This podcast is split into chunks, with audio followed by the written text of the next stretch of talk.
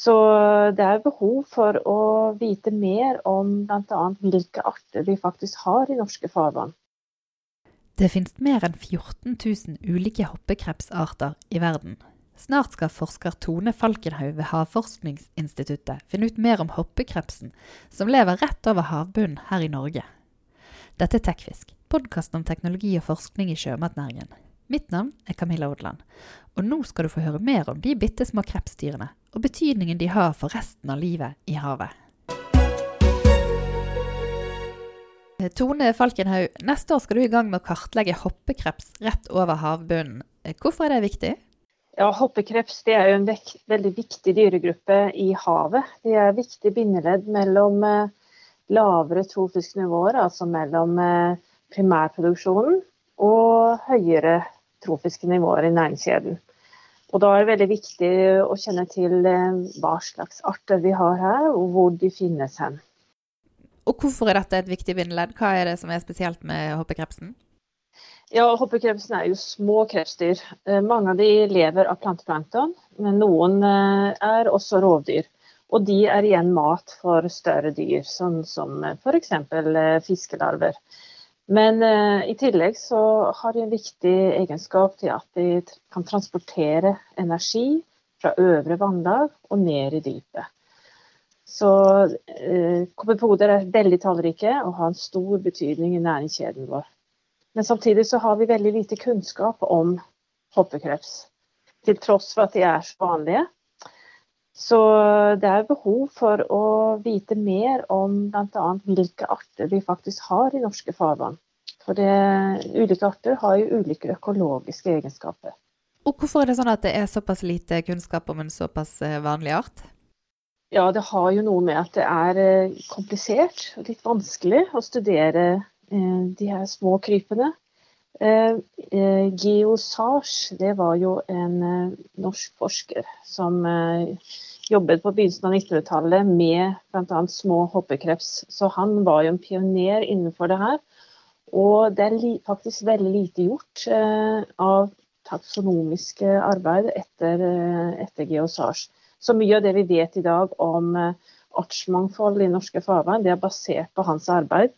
Så nå er det kanskje på tide å prøve å gjøre en ny undersøkelse for å finne ut av hvilke arter vi har i områdene våre. Ja, og Du sa taksonomiske, og det vil si å bestemme arter og mengde og den type ting? Ja, riktig. Så det er, handler da om å artsbestemme, rett og slett. Eh, det er liksom det første vi må vite, hva slags arter som finnes her. Og så kan vi begynne å se på hvor de finnes hen, og hvor mange det er av de. Og nå når dere skal i gang med å forske på hoppekrepsen, fortell litt om hva dere skal gjøre? Jo, det første er jo å samle det inn. Og da har vi samarbeida med andre prosjekter. Så eh, vi, eh, dette prosjektet det ledes jo av Havforskningsinstituttet, men det er et nært samarbeid med Universitetsmuseet i Bergen, de naturhistoriske samlingene, og NIVA i Bergen. Eh, og da eh, samarbeider vi med Tokt. Eh, Universitetsmuseet i Bergen har bl.a. et prosjekt som går på å kartlegge grunnvannsfaunaen langs norskekysten. Og da samles det også inn hoppekreps til dette prosjektet.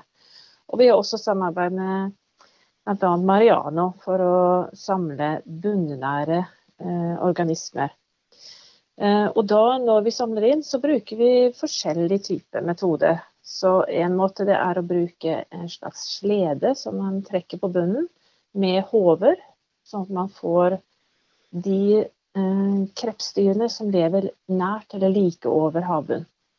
Og så kan man bruke dykkere. Det kan vi bruke på litt grunnere farvann, bl.a. for å samle inn hoppekreps som lever inni makroalgene, inni tang og tare.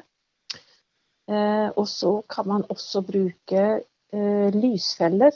Det er små håver eller bokser som settes ut på bunnen med lys inni for å tiltrekke seg hoppekreps. Og Hvor mange forskjellige tokt eh, blir det dere skal på for å samle inn eh, forskjellige hoppekreps? Ja, Nå har jeg ikke helt eh, tall på det, for vi får inn prøver fra eh, både tokt som skal gå, men også tokt som har gått tidligere. Så det er i hvert fall snakk om en eh, ja, en 10-20 tokt i løpet av, eh, av, eh, prosjektperioden. som skal gå forskjellige steder langs norskekysten? Ja, det er riktig. For vi, vi har som mål for å kartlegge hele norskekysten, selv om det er et ganske stort mål. Men vi er interessert i prøver fra hele norskekysten. Det er riktig. Og hva skal dere da gjøre med de prøvene som kommer inn? Ja, Når vi får inn prøver, så er det et stort arbeid som ligger foran oss. Det første er jo å sortere og artsbestemme. Og en, eh, si, en, viktig grunn til at det er gjort lite på hoppekreps, og særlig bunnært hoppekreps tidligere, det er jo for at vi har eh, liten taksonomisk kunnskap. Altså vi har få mennesker i Norge, få forskere, som eh, faktisk klarer å bestemme til art disse små.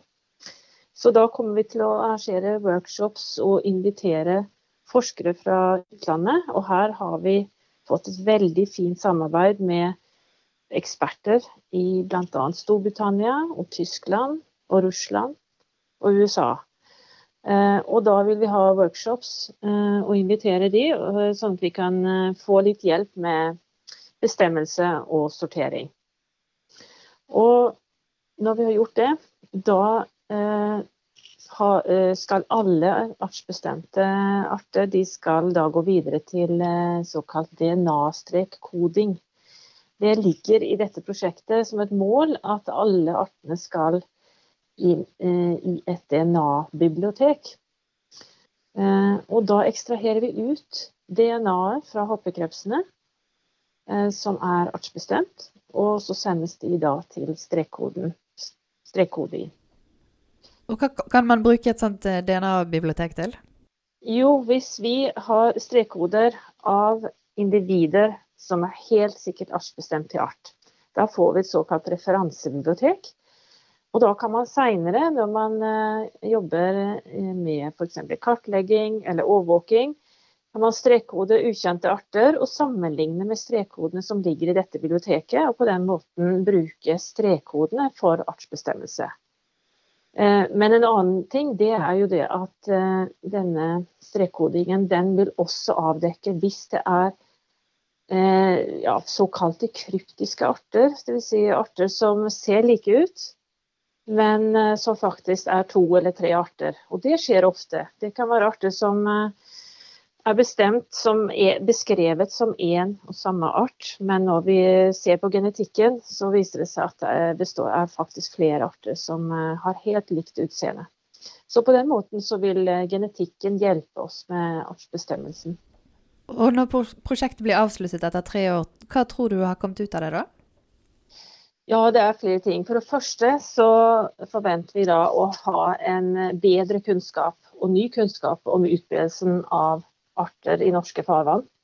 Og dette vil jo da være veldig viktig basiskunnskap for å følge med på endringer som skjer i økosystemene våre. Eh, vi forventer også å finne nye arter for Norge. Det kan være arter som ikke er beskrevet tidligere i Norge. Eh, men det kan også være arter som har kommet inn senere, i senere tid, etter at eh, Geosage jobbet med dette på tidlig 1900-tall. Eh, og eventuelt også nye arter for vitenskapen, i og med at vi nå bruker ny metodikk. Men til sist så vil jeg jo si at kanskje en av de viktige, store eh, resultatene fra prosjektet eh, som vi håper på, det er at vi har økt kompetansen på taksonomi i Norge. Eh, særlig på hoppekreps. Det er stort behov for det, men eh, kompetansen er veldig lav. Så i og med at vi samarbeider med utenlandske eksperter, og i tillegg eh, knytter eh, studentprosjekter til, eh, til, dette prosjektet, så håper vi på å øke kompetansen i Norge. Mm. Og den eh, forskningen som du gjør på dyreplankton, inkludert hoppekreps, kan den si noe om klimaendringer? Ja, eh, det, det, kan den. Den kan generelt så kan det i hvert fall gi oss informasjon om endringer i økosystemet, og inkludert da effekter av klimaendringer. Eh, hoppekreps de er tallrike, eh, og de er artsrike. Vi regner med at på verdensbasis så er det mer enn 14 000 ulike arter av hoppekreps. De eh, artene vi skal se på i dette prosjektet, det kan dreie seg om at potensielt at det finnes 1000 ulike arter. Vi kommer ikke til å klare å bestemme alle de, eller finne alle de. Men i og med at det er så artsrikt og tallrik dyregruppe, så vil det også være en indikator for endringer i økosystemet. Og som f.eks. Eh, temperaturendringer, men også andre endringer sånn som eh, forurensning eller eutrofiering, altså overgjødsling av havet.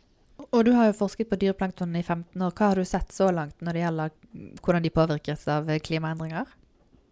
Eh, ja, jeg har jo studert de hoppekrepsene som lever fritt i vannmassene. Og der ser vi i våre tidsserier så ser vi tydelige effekter av økt temperatur. Eh, økt temperatur i havområdene våre er faktisk den faktoren som eh, innvirker mest på, på dyreplanktonet. Og der ser vi at mengden av varmekjærearter øker, mens såkalte kaldtvannsarter de avtar i mengde. Og her er det flere varmekjære arter som da er på vandring nordover. Så særlig i Nordsjøen og Skagerrak så har dette pågått eh, over mange år allerede. Og, og, Kan det ha noen påvirkning på resten av eh, dyrelivet i havet? Det har det jo, i og med at uh, hoppekreps er dette bindeleddet mellom primærproduksjon, altså mellom alger og høyere trofiske nivåer. Så vil det at vi får uh, endring i artssammensetning, vil jo påvirke hele næringsnettet. Det blir f.eks. Uh, mindre av de artene som kanskje er viktige Eh, næringskilde for eh, tropiske nivåer, sånn som fiskelarver. Men en annen ting er at eh, også tidspunktet for når viktige hoppekreps dukker opp, de kan endre seg. De kan dukke opp senere på sesongen, og nye arter kommer inn som har en helt annen sesongsyklus. Så det vil jo ha stor innvirkning på hele økosystemet. Ja, da, Og til slutt også på fiskeriene som vi har her i Norge? Ja, det er jo det. Den koblingen mellom dyreplankton og eh, fiskeri eller rekruttering av fisk, den, eh, den er jo fortsatt eh, mye der vi ikke vet. Men det er helt klart at det vil ha effekt på også fisk, ja. Mm. Eh, og så tenkte vi må eh, innom raudåten, for den er jo også en hoppekreps. Og i disse dager så er det ganske sånn omstridt om det kan drives fiske på den eller ikke. Eh, hva tenker du om det?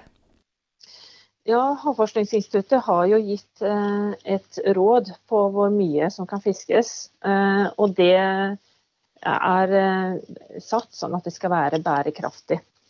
Men det er jo viktig å følge med på utviklingen og også skaffe bedre kunnskap om raudåte og produksjonen av raudåte. Der er det behov for mer kunnskap. Hvorfor tror du folk er så redd for at det skal fiskes på raudåten? Selvfølgelig fordi vi, man vet jo at raudåten er en veldig viktig, eh, viktig nøkkelart. Eh, særlig i Norskehavet og utenfor norskekysten. Eh, så det er klart at det er litt følsomt. Det er en veldig viktig art. Men i tillegg så er produksjonen svært høy. Så de modellene som Havforskningsinstituttet har, har vist at det uttaket som man har gitt råd om, det skal være bærekraftig. Du har nå hørt på Tekfisk, podkasten om teknologi og forskning i sjømatnæringen. Du kan abonnere på podkasten i iTunes, eller der du ellers hører på podkaster.